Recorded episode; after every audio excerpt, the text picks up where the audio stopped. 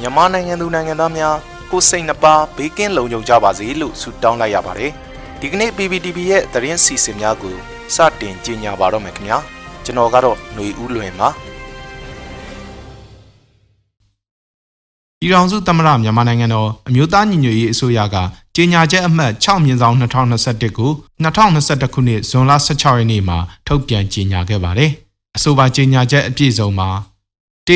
အကြမ်းဖက်စစ်ကောင်စီသည်2021ခုနှစ်ဖေဖော်ဝါရီလ1ရက်နေ့ကအာဏာသိမ်းခဲ့သည့်အချိန်မှစ၍တည်ဆဲဥပဒေများကိုချိုးဖောက်ပြီးနိုင်ငံတော်ခေါင်းဆောင်များအပါအဝင်ပြည်သူလူထုတရက်လုံးကိုဥပဒေနဲ့ညီညွတ်ခြင်းမရှိဘဲအကြောင်းမျိုးမျိုးဖြင့်ဖမ်းဆီးချုပ်နှောင်ခြင်း မတရားသောဥပဒေပုံမှန်များဖြင့်အမှုဆင်အရေးယူခြင်းတရားမျှတမှုမဲ့စွာစီရင်ဆုံးဖြတ်ပြီးထောင်သွင်းအကျဉ်းချခြင်းများကိုဆိုးရွားစွာဇက်တိုက်ကျူးလွန်လျက်ရှိသည်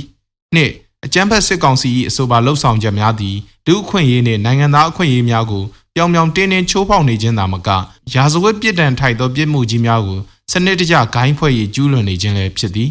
၃နိုင်ငံတော်သမ္မတဦးဝင်းမြင့်နိုင်ငံတော်၏တိုင်ပင်ခံပုဂ္ဂိုလ်ဒေါအောင်ဆန်းစုကြည်ပါဝင် အခြားကောင်းဆောင်များအပေါ်2021ခုနှစ်ဇွန်လ9ရက်နေ့၌အဂတိလိုက်စားမှုတိုက်ဖျက်ရေးဥပဒေပုံမှန်55နှင့်ပုံမှန်55မြင်းဆောင်63တို့အရာသက်ဆိုင်ရာရဲစခန်းအသီးသီးတွင်တိုင်ချက်ဖွင့်၍တရားစွဲဆိုခြင်းအရေးယူရန်ဆောင်ရွက်ခြင်းသည်နိုင်ငံတော်၏အတိုင်ပင်ခံအပါအဝင်ပြည်သူတို့ကရွေးကောက်တင်မြှောက်မှုဖြင့်တာဝန်ယူခဲ့ကြသောခေါင်းဆောင်များကိုမတရားအာဏာသိမ်းမှုနှင့်အတူဖမ်းဆီးချုပ်နှောင်ထားပြီးအမျိုးမျိုးသောပြစ်မှုပုံမှန်များဖြင့်အမှုဆင်လောက်ကျန်ဆွဆွဲခြင်းများအနက်မှတစ်ခုဖြစ်ကြောင်းထင်ရှားလျက်ရှိသည် စစ်ကောင်စီသည်မိမိတို့၏ဥပဒေမဲ့လုပ်ရများကိုဤကဲ့သို့သောမတမာသည့်နီလန်းဖြင့်ခေါင်းဆောင်ကြီးများ၏ဂုံတိတ်ခါကိုထိပါစေအောင်အာဃာတကြီးစွာကြံစီပုံဖြတ်ခြင်းဖြင့်ထွက်ပေါက်ရမည်ဟုယူဆပြီးမိုက်မဲစွာလှုပ်ဆောင်ခြင်းသာဖြစ်သည်၄အကြမ်းဖက်စစ်ကောင်စီသည်ပြည်သူလူထုကအာဏာအနှင်းထားသောပြည်သူအစိုးရထံမှနိုင်ငံတော်၏အာဏာကိုလက်နက်အားကိုဖြင့်သိမ်းယူထားခြင်းကြောင့်တရားဝင်အစိုးရမဟုတ်တဲ့ကဲ့သို့၎င်းတို့ကဖွဲ့စည်းထားသောတရားရုံးများသည်လည်းတရားဝင်တရားရုံးများမဟုတ်သည်မှာထင်ရှားသည် ငါအကြမ်းဖက်စစ်ကောင်စီ၏အထက်ဖော်ပြပါဆောင်ရွက်ချက်သည်ဥပဒေကိုအလွဲသုံးစားလုပ်တည်သားမကနိုင်ငံတော်၏ဂုဏ်သိက္ခာကိုကြာဆင်းထိခိုက်စေပြီးကမ္ဘာအလဲတွင်ရှက်ဖွယ်လိလိဖြစ်စေသည့်တရားစီရင်ဆိုင်ရာရုံမှကောက်ကျစ်သည့်လှုပ်ဆောင်ချက်သာလျင်ဖြစ်ကြောင်းအတိအလင်းထုတ်ပြန်ကြေညာလိုက်သည်လို့ဖော်ပြထားပါတယ်ခင်ဗျာ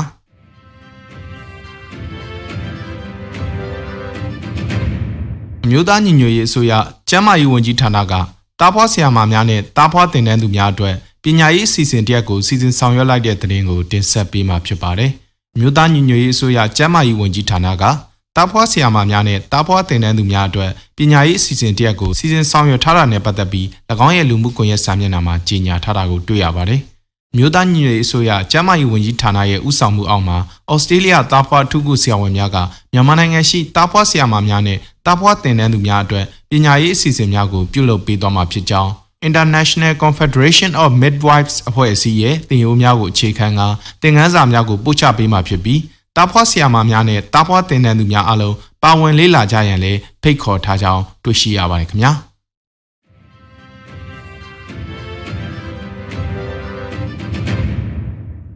ဆက်လက်ပြီးပြိပက္ခအတွင်းလိမ်မိုင်းဆိုင်ရာအကြမ်းဖက်မှုရပ်တန့်ရေးနေကံပေးရဲ့အကျိုးအစီအစဉ်အဖြစ်ဇွန်လ15 16နဲ့18ရက်တွေမှာ သုံးရက်တာဆွေးနွေးပွဲစကားဝိုင်းတွေကျင်းပပြုလုပ်နေတဲ့သတင်းကိုတင်ဆက်ပေးကြပါမယ်။ပဋိပက္ခကာလအတွင်းလိမ်မိုင်းဆိုင်ရာအကြမ်းဖက်မှုရပ်တန့်ရေးနေကမ်ပိန်းရဲ့အကျိုးအစီအစဉ်အဖြစ်ဇွန်လ15ရက်16ရက်18ရက်တွေမှာသုံးရက်တာဆွေးနွေးပွဲစကားဝိုင်းတွေကိုမနေ့ကစတင်ပြုလုပ်ခဲ့ပြီးကမ်ပိန်းရဲ့ဆွေးနွေးပွဲစကားဝိုင်းပထမနေ့အဖြစ်2021ခုနှစ်ဇွန်လ15ရက်နေ့မှာတော်လန်ရေးအတွင်းမှာဂျန်ဒါခွဲခြားမှုစံနှုန်းများခေါင်းစဉ်နဲ့အမျိုးသမီးလူငယ်နဲ့ကလေးသူငယ်ရေးအောင်ပြည်တော်စုဝင်ကြီးဒေါ်ဆူဇန်နာလာလာဆို ဒုတိယဝန်ကြီးဒေါ်ဤတင်စာမောင်လူအခွင့်အရေးဆိုင်ရာပြည်ထောင်စုဝန်ကြီးဦးအောင်မျိုးမင်းနဲ့ဒေါက်တာမာအောက်စဖို့တို့ကဆွေးနွေးခဲ့ကြပါတယ်။ဆွေးနွေးပွဲစကားဝိုင်းရဲ့ဒုတိယနေ့အစီအစဉ်အဖြစ်စစ်ကောင်စီမှကျူးလွန်ခဲ့သောလိမ်မိုင်းဆိုင်ရာပြစ်မှုများကောင်းစဉ်နဲ့အမျိုးသမီးလူငယ်နဲ့ကလေးသူငယ်ရေးရာဒုတိယဝန်ကြီးဒေါ်ဤတင်စာမောင်လူအခွင့်အရေးနဲ့ငြိမ်းချမ်းရေးလှုပ်ရှားသူတို့ဖြစ်တဲ့နန်းတို့နဲ့အတူမန်လေးမြို့အခြေဆိုင်တက္ကသိုလ်ကျောင်းသားတမကများကွန်ရက်ရဲ့ဥဆောင်သူတို့ဖြစ်တဲ့